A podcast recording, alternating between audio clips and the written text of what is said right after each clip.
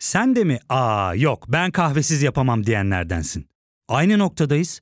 İlk ve tek kahve üyelik uygulaması Frink'le tanış. Hem bütçeni koru hem de hiç bitmeyen kahvenin tadını çıkar.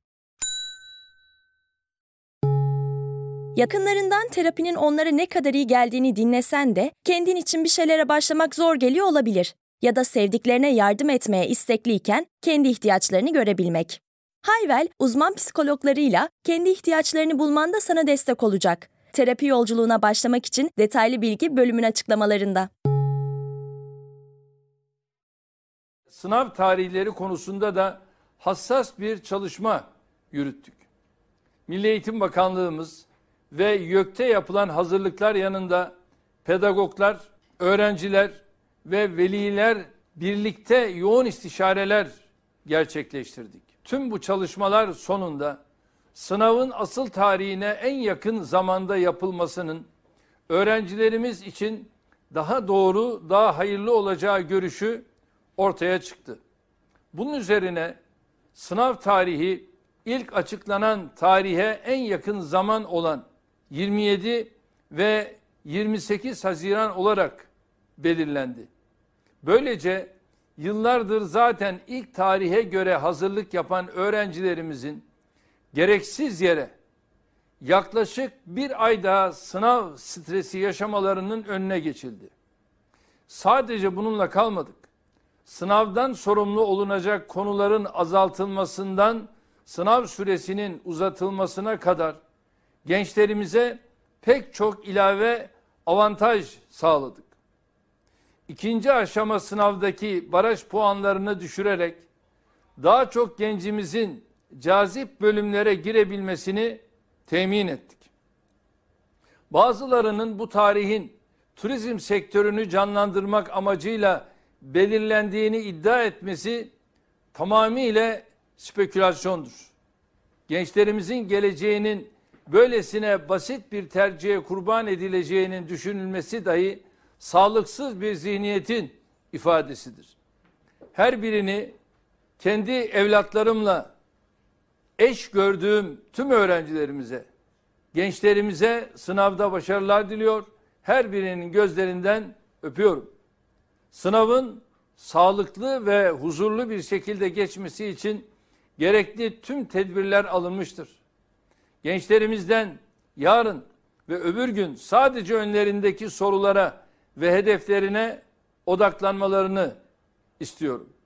Bu açıklama Cumhurbaşkanı Erdoğan'ın muhtarlar buluşmasındaki gibi prompterdan okuduğu bir açıklama değil. Erdoğan Türkiye'nin 7 ilinden gençlerle YouTube'da buluştu. YKS tarihinin değişmesiyle ilgili sınava girecek gençleri anlaşılan ikna edemedi. 26 Haziran akşamı Türkiye dislike kalkışmasına sahne oldu. Bu eylemin detaylarına ve Z kuşağına bakacağız.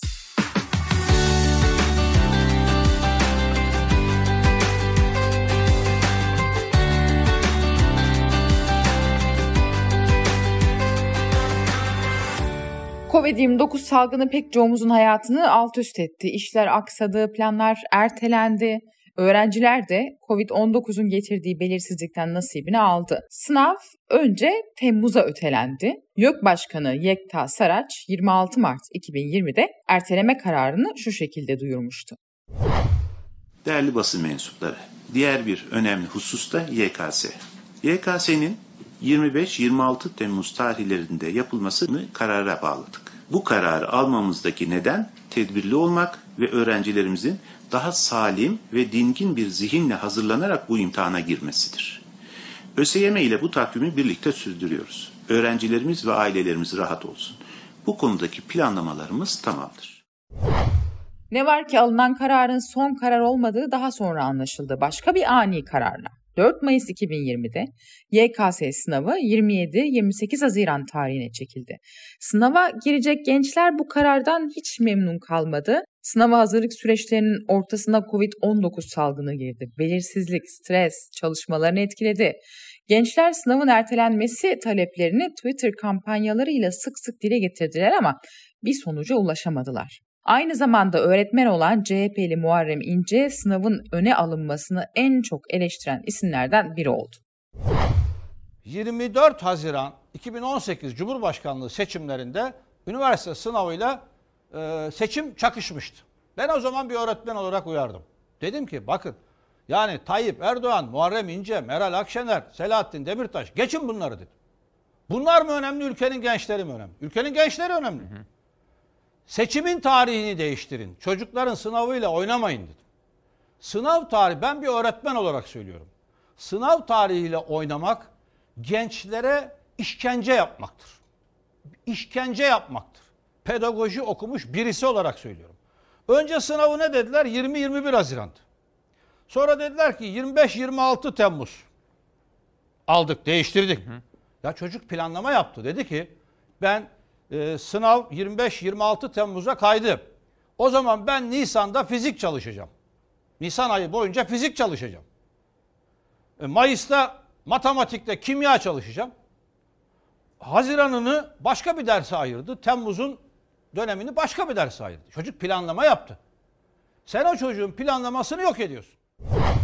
Bu süreçte en çok dillendirilen teorilerden bir tanesi YKS'nin turizm sezonunu canlandırmak için öne alındığı oldu.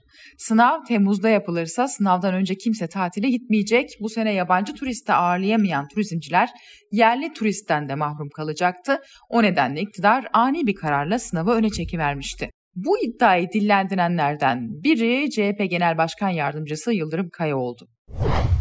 Gençlerimiz nefeslerini tuttular. YKS sınavının öne alınıp alınmayacağı kaygısını kamuoyuyla tartışmaya başladılar. Çığlıklarını saray hükümetine duyurmak için her türlü yol ve yöntemi denediler. Çocuklarımız ise LGS sınavının ileri bir tarihe ertelenmesi için korkularını, kaygılarını tüm kamuoyuyla paylaştılar. Beklenen gün geldi çattı. Adalet ve Kalkınma Partisi Genel Başkanı Recep Tayyip Erdoğan ekranların başına geçti. LGS'nin 20 Haziran'da yapılacağını, YKS'nin ise 27-28 Haziran'da yapılacağını duyurdu ve geçti. Hiçbir gerekçe açıklamadı. Biz biliyoruz sizin gerekçenizi. Siz AVM'lerle okulları aynı ölçüde değerlendiriyorsunuz. Ama unutmayın, bizim çocuklarımız kobay değil, okullarımızda AVM değil. Öfkeleri gitgide büyüyen gençleri sakinleştirme görevi önce Sağlık Bakanı Fahrettin Koca'ya düştü. Salgın hastalık söz konusu olduğunda bir ay, iki ay sonrasını öngörmek çok zordur. Bunu yakın günlerde binin altına çektiğimiz vaka sayısının tekrar 1500'lerin üstüne tırmandığı tablolardan da tahmin edebilirsiniz. Sınavın ertelenmesi durumunda risk bugün bugünden çok daha büyük olabilirdi. Bugünkü gerekçeler yarın da büyüyebilir. Dünya Sağlık Örgütü'nün Eylül ayı için küresel ölçekte risk öngörüsünde bulunduğunu ise konuşmamın başında belirtmiştim. Bu durumda sınavın ne getireceği meçhul bir zamandansa şimdi yapılmasına ilgili kurullar tarafından karar verilmesi doğru görünmektedir. Kısa bir ara sonrasında Z kuşağına bakacağız. Ya fark ettin mi? Biz en çok kahveye para harcıyoruz. Yok abi, bundan sonra günde bir. Aa, sen Frink kullanmıyor musun? Nasıl yani? Yani kahvenden kısmına gerek yok. Frink'e üye olursan aylık sadece 1200 TL'ye istediğin çeşit kahveyi istediğin kadar içebilirsin. Günlük 40 TL'ye sınırsız kahve mi yani? Çok iyiymiş. Aynen. Hatta şu anda 200 TL'lik bir indirim kodu da var. E hadi hemen indirip üye ol da bu fırsatı kaçırma. Terapiye başlamak, içinden çıkamadığın döngüleri kırmak, bazı yanlış bulduğun kararlarını değiştirmek ve kendinle beraber daha huzurlu bir yaşam inşa etmek için atabileceğin en değerli adımlardan biri. Hayvel ile yoğun yaşam tempona uyum sağlayarak online terapi seanslarını takvimine göre ayarlayabilirsin. Bini aşkın uzmandan sana en uygun terapisti seçebilir, podb10 koduyla indirimden yararlanabilirsin. Detaylı bilgi açıklamalardaki bağlantıda. Tüm bu sınav süreci Z kuşağının Türkiye'de siyasetin gündemine oturmasıyla aşağı yukarı aynı zamana denk geldi. Murat Gezici, Sözcü gazetesi için Z kuşağının kimler olduğunu betimleyen bir çalışma yaptı. Gezici araştırmanın bulduğu sonuçlara göre 1996 sonrası doğmuş olan bu gençler dijital bir dile sahipler. %82'si farklı bir din ya da mezhepten biriyle evlenirim diyor. Yani farklılık bu gençler için bir mesele bir olay değil. %28.5'i inançsız.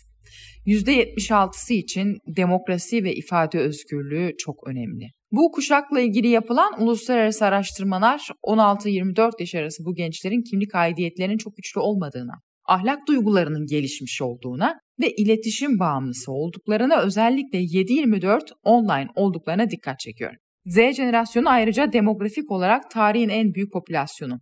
2017 senesinde yapılan bir araştırmaya göre dünya nüfusunun %27'sini oluşturuyorlar. Ailelerin de işin içine katılmasıyla toplamda 600 milyar dolarlık bir satın alma gücünü temsil ediyorlar. Bu da markaların bu jenerasyonu anlatmaya çalışırken sadece iş gücüne dahil edebilmek için değil fakat bir tüketici olarak kazanmaya çalıştıklarının önemli göstergesi. Z kuşağını Türkiye için önemli yapan 2023 seçimleri. 2023'te ilk kez oy kullanacak 7 milyon seçmen Z kuşağından. Tüm siyasi partilerin gözü Z kuşağı seçmenin üzerinde. İktidarda sürekli sosyal medyada olan bu gençleri yakalamanın en iyi yolunun dijitalden gitmek olduğunu düşünmüş olacak ki Cumhurbaşkanı sınavdan tam bir gün önce YouTube yayını için kameraların karşısına geçti. Yayınla ilgili ilk acemilik yayına ilişkin hazırlık görüntülerinin yanlışlıkla yayınlanması ve sosyal medyada yayılması oldu. Bak Murat, ceketin, elbisenin duruşu iyi değil. Biraz şey Öyle mi duracak? Yok. Göbek çıksın. Yok. Şeye yaklaşabilirsin. Hasan sen anlıyor musun? Masaya doğru yaklaş. Yayın özenle hazırlanmıştı. Buyurun. Van. Fatma Nur kızımızdayız.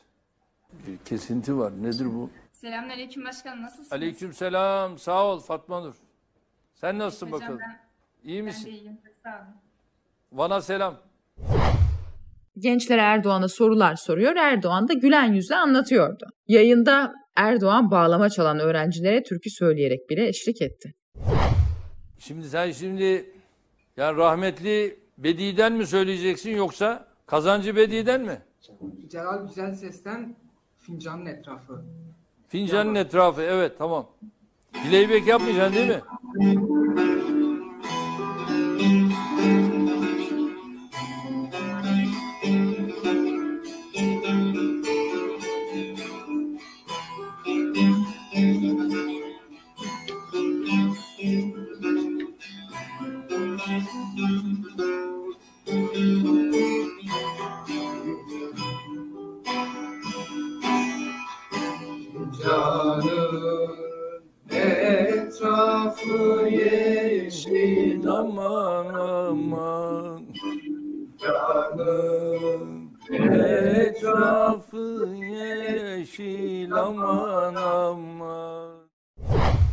Ne var ki evdeki hesap çarşıya uymadı. YouTube yayını sırasında oy moy yok yorumları yağmaya başladı. Yorumlar artınca admin yayında yorumları kapattı. Bu sefer dijital eylem oy moy yok hashtag ile Twitter'a taşındı. İş Twitter'la sınırlı kalmadı. Cumhurbaşkanının gençlerle yayını bittikten sonra yayına dislike'lar yağmaya başladı. Son baktığımda yayında 82 bin like, 325 binden fazla dislike vardı. Bu gençlerin dislike eylemi olarak tarihe geçti. Dislike eylemi sonrası Yeni Şafak gazetesinin birçok şarkıcı ve YouTuber video rakamlarıyla oynuyor. 50 dolara 5000 izlenmiş bir videonuzu milyonlarca görüntüleme alıp kendinizi star gibi hissedebilirsiniz. Videoların linkini siteye ekleyip dislike bombardımanına tutabilirsiniz şeklinde haberi dikkat çekti. Z jenerasyonu bir diğer protestoyu da Kültür ve Turizm Bakanı Mehmet Nuri Ersoy'a ait ETS turun otel rezervasyon uygulamasına yaptı. Google Play Store'da ücretsiz uygulamalar içinde 9. sırada bulunan uygulamaya 16 binin üzerinde bir yıldız değerlendirmesi yapıldı ve olumsuz yorumlar yazıldı. İngilizce yazılan yorumlardan birkaçı şu şekilde. En kötü Türk uygulama. Öğrencilere değer vermiyorlar. Tek değer verdikleri şey para. Ben bu sebeple ETS turu kullanmayacağım. Çünkü Türk öğrencilerin yaşamı önemli. Umarım bunu bir gün öğreneceksiniz. Gerçekten turizm sektörü ekonominin geleceği olan gençlerden daha mı önemli? Daha fazla aşağılayıcı şeyler söylemek istemiyorum ama siz beni anladınız. Bu şirket yüzünden hayatımın en kötü tatiliydi. Elimde olsa sıfır vereceğim. Evet Z kuşağı böyle. Yani dijital bir jenerasyon, eylem biçimi de böyle dijital. Bu eylem iktidar tarafından şaşkınlıkla karşılandı. AKP Beylikdüzü İlçe Başkanı ve İstanbul Büyükşehir Belediyesi Meclis Üyesi Mücahit Birinci. Bu söz konusu dislike eyleminin Türkiye düşmanları tarafından yapıldığını söyledi. FETÖ'cü bot hesaplar tarafından yapılan bir saldırı bu dedi. Birinci bir de sert konuştu, tehdit etti. Bunu yapanlar pişman olacak. O yol yol değil, sonunuz hep hüsran olacak dedi. Aslına bakacak olursanız bu eylem ilk değil. Yani şöyle ilk değil. Bunun bir benzerini biz Amerika Birleşik Devletleri'nde görmüştük. Amerika'da başkanlık seçimleri yaklaşıyor ve aynı zamanda Covid-19 salgını tüm hızıyla devam ediyor. Fakat Donald Trump bu salgın ve salgına karşı alınan önlemlere rağmen başkanlık seçim mitinglerine start verdi. İlk meeting Tulsa'da yapıldı. Meeting için tüm biletler satılmıştı. Fakat gelin görün ki meeting günü salonun sadece üçte biri doluydu. Ne oldu diye merak konusu oldu. Trump'ın ekibi demokratlar girişte eylem yapıyorlardı. Onun için bizim taraftarlarımız salona girmeye çekindi diye bir açıklama yaptı ama gerçek öyle değildi. Gerçek şöyleydi. K-pop fanı ve elit TikTok kullanıcısı gençler dijital platformlarda örgütlenmişler Trump'ın bu mitingine ait biletleri kendileri satın almışlardı. Biletleri satın aldılar ama gitmediler. Amaçları o salonu boş bırakmaktı ve amaçlarına da ulaştılar.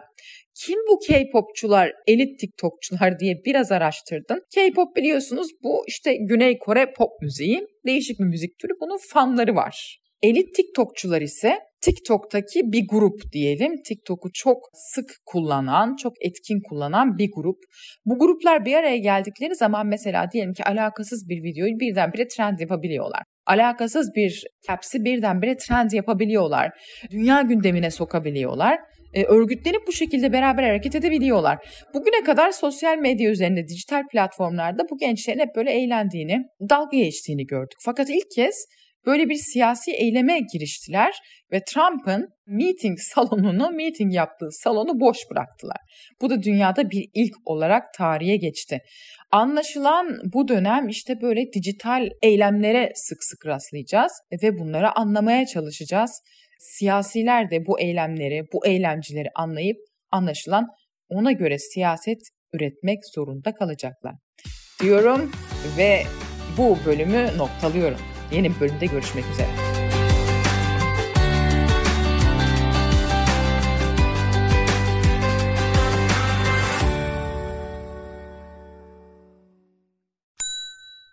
İlk ve tek kahve üyelik uygulaması Frink, 46 ildeki 500'den fazla noktada seni bekliyor.